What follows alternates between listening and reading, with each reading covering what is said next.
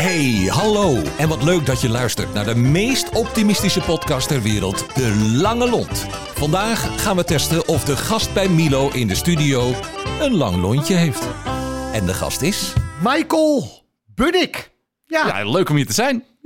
welkom in de, in, de, in de Lange Lon podcast. Eh, eh, op dit moment eh, verschrikkelijk actueel. We nemen hem op nog in 2020. En we zullen hem uitzenden natuurlijk in 2021. Maar eh, op dit moment worden lontjes telkens korter. Een mooi voorbeeld daarvan is onder andere dat we zes maanden geleden onze zorghelden nog eh, applaus gaven. Dat we via Rituals, McDonald's, Burger King, diverse fruitorganisaties allerlei lekkere en leuke dingen gaven. En we zijn nog eens zes maanden later eh, zijn we en we zien in één keer dat er allerlei patiënten en bezoekers zijn die diezelfde zorghelden in het gezicht spugen of aangereikte mondkapjes eh, teruggooien. Kortom, de sfeer in het land is aan het veranderen. En wij hebben volgens mij behoefte aan mensen met een lange lont. En eh, wij kennen elkaar. En eh, nou ja, wat mij betreft heb je die. Maar vertel even aan alle luisteraars wie je bent. Ja, nou ja, ik ben Michael Bunnik en ik ben werkzaam als directeur bij het SAX. En het SAX is een basisschoolstichting in Alkmaar met 14 scholen.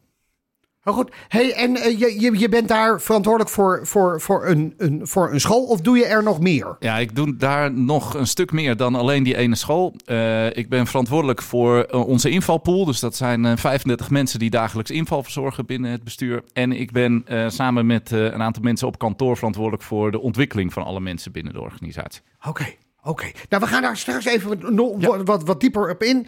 Maar zoals ik altijd doe, eh, ga ik je wat stellingen voorleggen die je mag afmaken. Ja. En eh, ik geef je daarna, als we klaar zijn, ook de kans om eh, ergens op terug te komen. Dus wees niet bang dat je fouten maakt.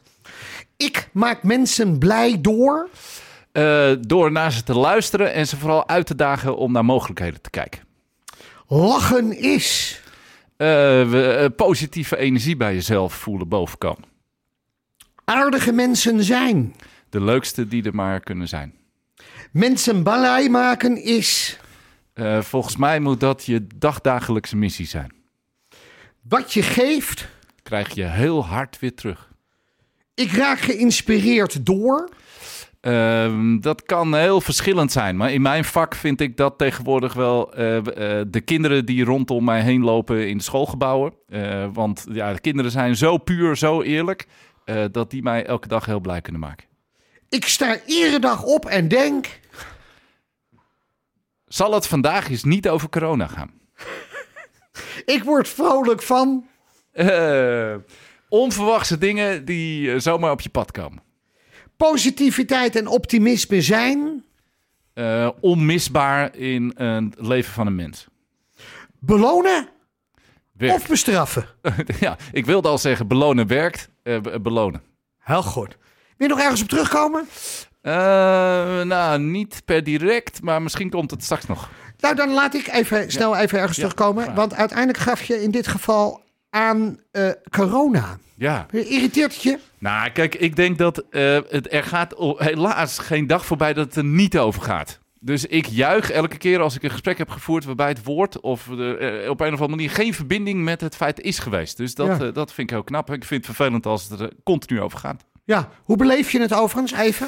Ehm, nou, het is, het, het is er wel elke dag. Ja. In al zijn facetten. Dus ook al zou ik het willen ontwijken, 's ochtends begint het al in de hoop dat er niemand zich afmeldt. Ja. Omdat ze wel of niet eh, eh, besmet zijn, of wel of niet moeten testen, of wel of Ja. niet ergens in hun familie iets hebben. Eh, dus het zit overal in de maatschappij. Dus je komt er op elke manier die je maar wil of niet wil, wel mee in aanraking. Ja. Oké. Nou ja, ik, ik kan me hier iets bij voorstellen. Want dat, het is natuurlijk het is de actualiteit van de dag. Ja. Eh, waar ik zelf tegenaan loop, is dat er, dat er heel weinig op dat gebied gerelativeerd wordt. Ja. Waardoor de humor ook een beetje verdwijnt en dat het een veel te serieuze paragraaf is geworden. En daardoor ook mensen in dit geval een korter lontje krijgen. Ja. Hey, even te eh, praten over die korte lontjes. Hè? Even, merk jij op dit moment bijvoorbeeld op jouw school dat Ja. bijvoorbeeld bij ouders Ja. Lontjes korter worden? Ja, bij ouders. Kijk, het leuke is, een van je stellingen net was ook: eh, ehm, eh, ben je in staat om mensen te beïnvloeden? Nou, en ik denk dat als je dat op een goede manier doet, dat je ouders heel snel aan je kunt binden in plaats van dat je ze bij je wegduwt. Ja. Ehm, maar sommige ouders zijn oprecht heel bang. En eh, bangheid maakt dat mensen eh, rare dingen doen of rare dingen zeggen. Ja. Dus op het moment dat wij eh, bedenken iets heel onschuldigs, goh, laten we eens pannenkoeken bakken voor de kinderen, dan zijn er ouders die dat heel eng vinden. Ja. Want het zou wel eens kunnen zijn dat diegene die die pannenkoek bakt over die pannenkoeken heen hoest. Ja, en dat kan mijn kind echt niet eten. Nou, dat, dat kan je lezen en denken, wow, wat gebeurt er nu? Of je kan denken, nou, ik ga extra pannenkoeken bakken. En dat, dat, dat doen we dan. Ja. Dus, eh, maar, maar eh, dus er zit heel veel angst bij mensen. En je merkt ook dat bij mensen eh, dat thuiszitten, wat natuurlijk voor heel veel ouders ook geldt, niet helpt. Nee. Eh, eh, dus dat daardoor ook mensen zich anders gaan gedragen dan je misschien verwacht. ja. Hoe zit het overigens? Gewoon even een tussenvraag. Hoe zit het bij jou zelf dan thuis? Ik bedoel even. Nou, de- dat is ook heel golvend gegaan het afgelopen Ja. jaar. hè. Dus dat zowel de kinderen thuis zaten, dat zowel Ja. mijn vrouw thuis zat. En ik heb echt het geluk eh, dat ik geen dag thuis heb hoeven zitten. Omdat, omdat het werk wat wij doen, zelfs in de sluitingssituatie, er altijd toe heeft geleid dat er altijd wel mensen nodig waren. Eh, om onder andere de noodopvang te doen. Ja. En om juist ook er te zijn voor die ouders. Ja. Al dan niet op afstand, om ze maar mee te nemen en te informeren over de dingen die we wel konden doen. Ja. Nou, Ik merkte bij mezelf dat ik heb de, de, de, de afgelopen maanden nog nooit zoveel boodschappen gedaan. En dat was niet om het feit dat ik boodschappen doen leuk vind, maar met name om het feit dat ik dan even anderhalf uur weg kon bij mijn vrouw. Dus in die zin, even, ik heb ook voor drie boodschapjes heb ik ruim anderhalf, twee uur over gedaan. Ja. Dat terzijde. hey, luister, eh, wanneer heb jij voor het laatst mensen blij gemaakt?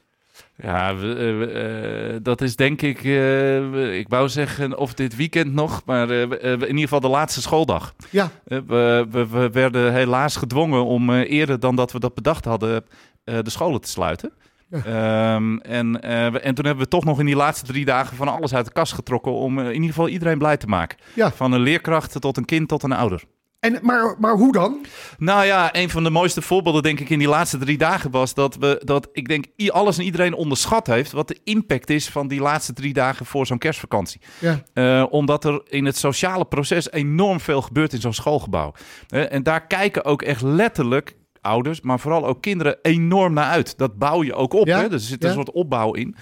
Eh, dus op het moment dat je op maandag aan kinderen vraagt: Goh, hoe ziet dit deze week eruit? Dan is het thema het kerstdiner. ja, Ehm, eh, en daar wordt dan al in geuren en kleuren over verteld. Over hoe ze gekleed gaan. Wat ze wel niet voor lekkers willen eten. Naast wie ze willen zitten. Hoe de klas eruit ziet. Ehm, en dat ze dan s'avonds in het donker naar school mogen. Dat is iets wat voor heel veel kinderen een, een behoorlijke Ja. bijzondere impact heeft. Nou, en als je dan op maandag in de loop van de dag te horen krijgt dat je dicht moet per woensdag. eh, dan snapt een kind dat misschien nog niet helemaal. Maar Ja. wij wel. Ehm, dus, de, dus je merkt dat dat heel veel onrust oplevert. Op dinsdag daalde dat in. Toen hadden we de laatste dag met de kinderen. Ja, en dan zijn kinderen gewoon echt oprecht heel intens verdrietig dat dat dus niet doorgaat. Nee. Ehm, en toen hebben wij gedacht, ja, dan kun je twee dingen doen. We hadden al een variant moeten bedenken, omdat normaliter ouders alles maken en we dan meenemen Ja. naar school. Dus we hadden een heel eh, fijn eh, connectie eh, in de Alkmaarse horeca gevonden, die voor ons dat kerstdiner wilde verzorgen. Restaurant Nachtgaal. En, ehm, eh, en wij belden hen en wij zeiden, ja, we, we, we moeten dicht. Dus het kan niet op de manier zoals we dat bedacht hebben. Kunnen jullie iets anders bedenken? Kunnen we het portioneren, zodat wij het kunnen gaan bezorgen? Nou, toen was het denk ik een halve seconde stil aan de andere kant. En toen was het antwoord verbondig, ja, dat gaan we doen. Hoe, weten we nog niet, maar we gaan het doen. ja, en toen hebben we één dag de tijd gehad om dat en met hen te organiseren en te regelen... en om een soort eh, bezorgdienst in het leven te roepen. Namelijk leerkrachten die op fietsen, eh, wandelend, met bolderkarren, met auto's... en andere vervoersmiddelen de wijk in konden. Om eigenlijk in anderhalf uur tijd eh, bij eh, 300 kinderen een kerstdiner thuis te bezorgen. En nou, die, die energie op die, in die voorbereidingsdag was gaaf. Eh, op de dag zelf was het echt uh, nou, daar naartoe leven. Terwijl we ondertussen ook gewoon thuisonderwijs aan het faciliteren waren. Um, en, uh, ja, en zijn we gaan fietsen, wandelen en lopen. En dat was heel gaaf, want het gebied waar we bezorgd hebben was puntje Herengewaard als bovenste. Tot aan Beverwijk aan de onderkant. Omdat daar dan kinderen bij vaders of oude moeders waren die daar wonen. Ja, dus binnen, ik denk dat de laatste bezorgd werd om kwart voor zeven. Uh, hadden we 300 kinderen thuis uh, aan het kerstdiner. En het mooiste was dat we daarop terug heel veel foto's, mailtjes, berichtjes kregen van uh, hoe die situatie ja. eruit was. Ouders hadden echt uitgepakt thuis. Kinderen ja. zaten thuis aangekleed helemaal voor de kerstdis. Tafels waren gedekt. Ouders deden mee. Dus ja, dat was echt een feestje. Ja. Dus we hebben daar een mooi filmpje van gemaakt. Ja, en dat leverde naast de hele blije emotie ook gewoon heel veel tranen bij iedereen. Omdat dat is waarvoor je dit doet. Ja. Um, en daarmee kom ik ook terug op mijn eerdere vraag: hè, van hoe beleven ouders dat. Ik denk doordat wij dit op deze manier doen, dat je ouders veel sneller in een positie brengt dat ze een langer lontje hebben. Maar dit is intrinsieke motivatie, hè? Want als je nu dit voorlegt aan allerlei mensen en de business case, hè, dan Ja. hadden ze gezegd: nee, maar je moet omdenken. Je moet omdenken. Ja. Nou ken ik je natuurlijk redelijk, maar volgens mij zit dit gewoon knijterhard in jouw, in jouw denken. Ja, het is, doen. het, eh, ik heb niet gedacht aan omdenken. Ik heb echt gedacht, ja, we, dit kunnen we niet zo laten gebeuren. We gaan iets organiseren. En Ja. hoe we dat dan ook doen, we- doen we dat. Maar zelfs eh, eh, dat is niet een vanzelfsprekendheid. Want het had ook net zo goed kunnen zijn dat de leerkrachten hadden gezegd... ja, dat gaan we niet doen. Nee. Want dan moet ik in mijn eigen tijd op de fiets Ja. met de auto... Ja. Dus, dus je hebt, ja, ik noem het altijd maar een soort voormasseren nodig... om mensen in zo'n stand te krijgen. Dat ze ook onder dit soort bizarre omstandigheden het anders durven doen. Maar gedrag beïnvloedt gedrag. Dus op het moment dat in dit geval de schooldirecteur met zoveel enthousiasme in ieder geval de school komt binnendenderen en zegt we gaan iets leuks doen, Ja. dan volgen in ieder geval 80% toch? A- absoluut, ja. Alleen dan krijg je nog wel logistieke vraagstukken van moet ik Ja. nou met de bolderkar naar Beverwijk? Ja. Nou ja, en, dat, en het leuke is dat dat initiatief, die bolderkar hebben we net niet naar Beverwijk gedacht, maar dat komt dan vanuit iemand die zegt, zal ik mijn bolderkar meenemen? Ik zeg, ik vind het een fantastisch plan. Ja. Ja, fantastisch. en dan, eh, nou, dan ontstaat er met elkaar iets heel moois. Hey, het aardige van het verhaal is dat we praten over die korte lont. En we Ja. zien de afgelopen jaren dat lontjes korter worden. Maar nou weet ik, en dat hoor ik natuurlijk ook, dat jij in ieder geval wel zorgt dat je het gedrag van zowel leerlingen als ouders eh, op een schoolplein al wil beïnvloeden. Want ik bedoel, als je 's ochtends begint, Ja. Eh, hoe ziet, jou, hoe, Nou hoe, ja, hoe ziet dat eruit? eh, we- Ook mede door de, de, de debiele regels die bedacht zijn, mogen ouders niet meer in ons schoolgebouw komen. Ja. Dus we, we, we hebben ze naar buiten verplaatst en we hebben ze zelfs naar buiten het schoolplein verplaatst. Ja. Nou, dat gaat, dat gaat tegen alles in wat bij mij past. Ja. Eh, maar dat hebben we toch maar gedaan, omdat we met elkaar het ook heel belangrijk vinden dat we dat wat er allemaal is, zoveel mogelijk proberen te beïnvloeden tot een laag niveau. Maar dat maakt dat we cruciale keuzes hebben gemaakt om ouders op een andere manier hun kind naar school te brengen. Ja. En dat is soms tot aan huilens aan toe een heel, heel vervelend scenario.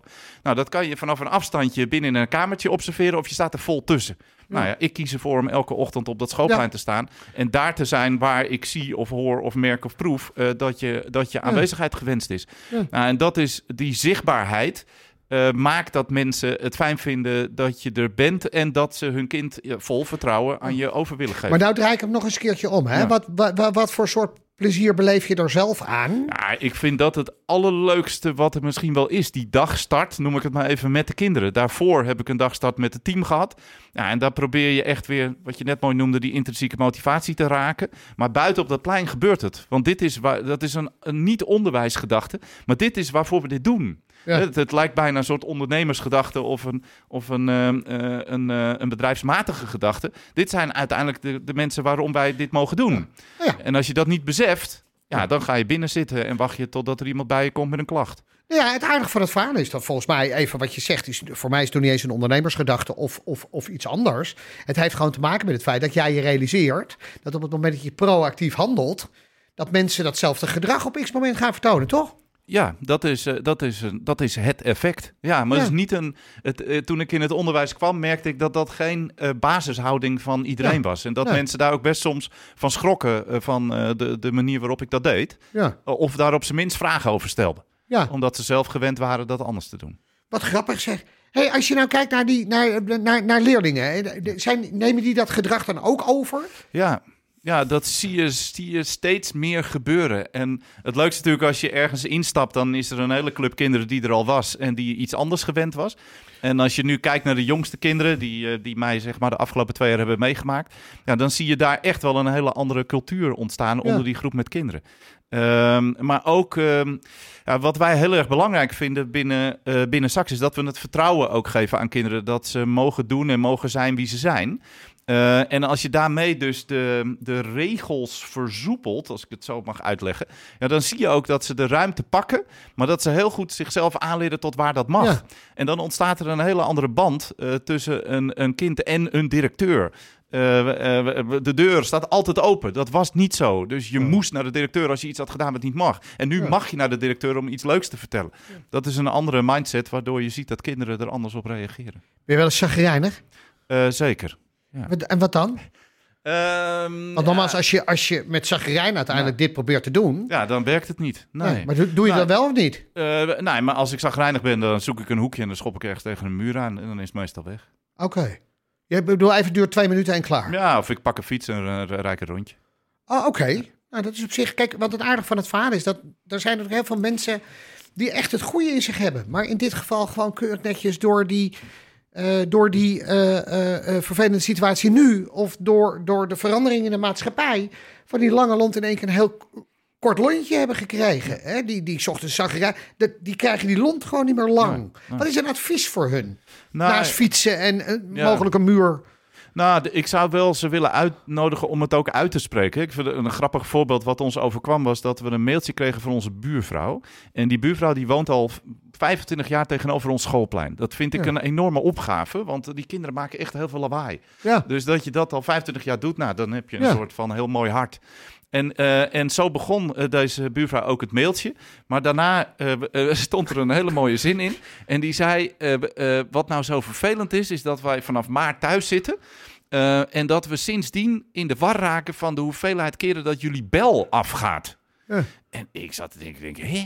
Maar die mensen wonen daar natuurlijk al heel lang, maar die zijn altijd weg geweest. Dus die hebben nooit Ja. die bel gehoord. En die waren nu zo in de war dat ze gingen turven hoe vaak die bel afging.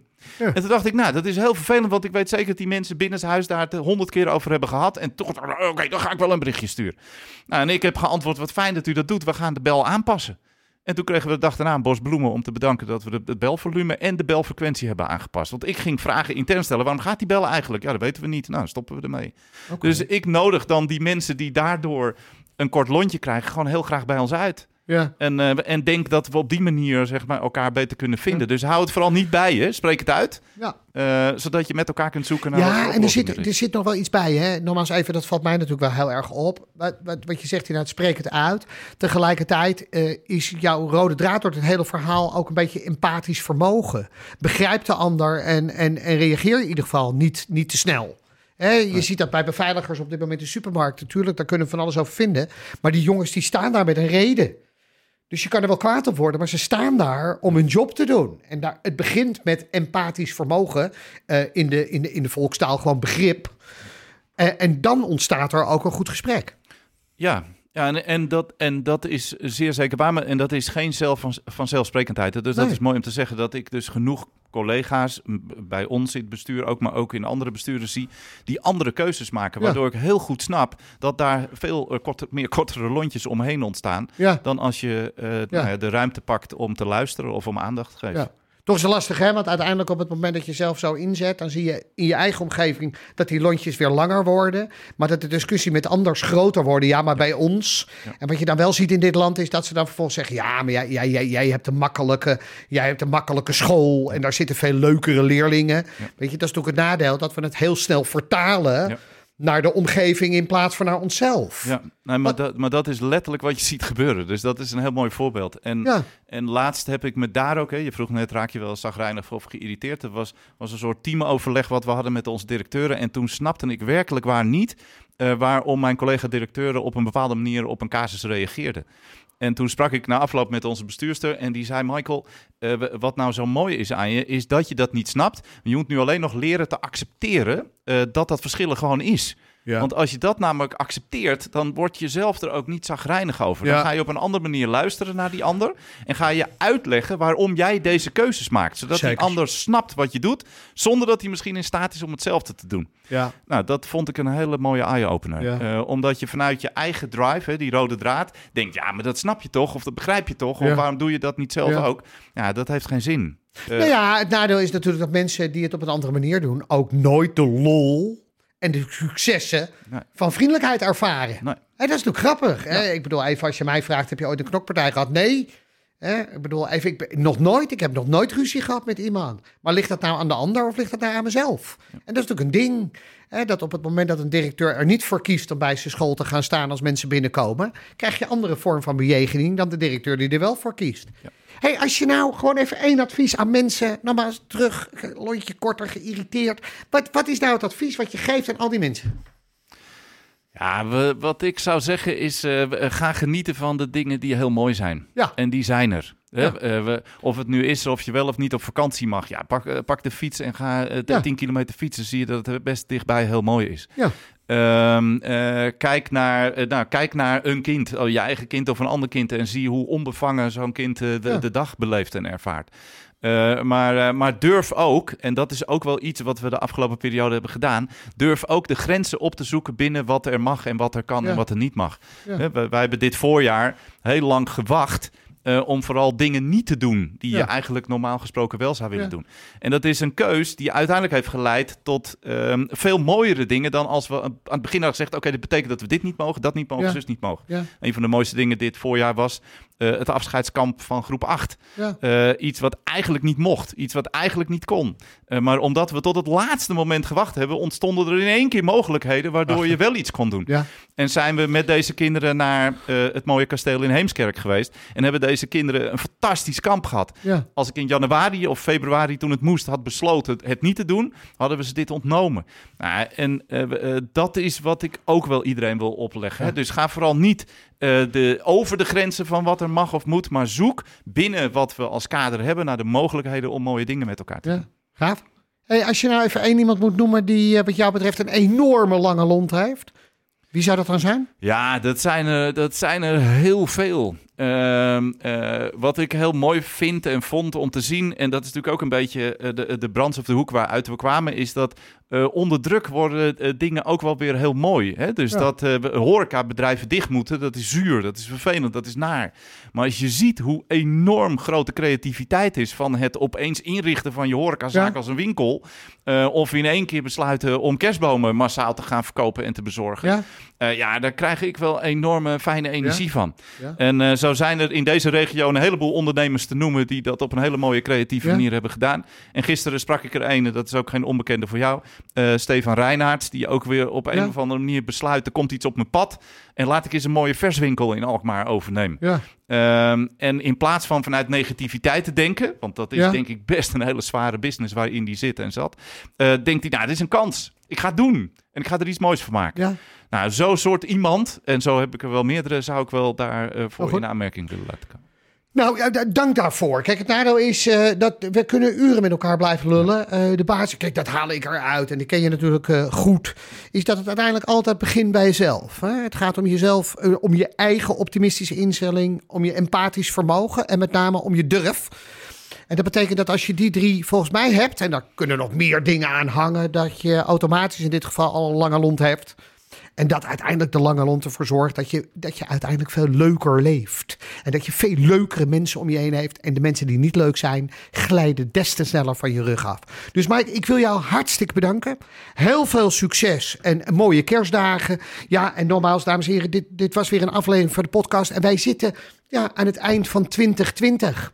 En eh, dat betekent nogmaals dat we volgend jaar deze gaan uitzenden. Ja, en hoe ziet dat eruit? Ja, ik zou het niet weten. Ik weet wel één ding. Ik zou eh, het heel erg vinden als corona voorgoed ons land verlaat. Want laten we heel eerlijk zijn, in de zomer met een lekker flesje met een citroentje erin smaakt dat ding fantastisch. Dus laten we slechte corona in ieder geval vergeten en zo snel mogelijk weer met z'n allen op een terras zitten. Eh, voor nu, en dat hoort u wat later, hele mooie dagen. Geniet daarvan. Kijk naar de mooie dingen des levens. En wees af en toe best een beetje kritisch op de dingen die minder leuk zijn. Maar graag tot de volgende keer. Ja, dankjewel. Graag gedaan. Dankjewel voor het luisteren. En tot de volgende keer, waarin we weer een lontje testen. Hoe lang is jouw lontje eigenlijk? Tot snel! De Lange Lont is een samenwerking tussen Streekstad Centraal en Tremark.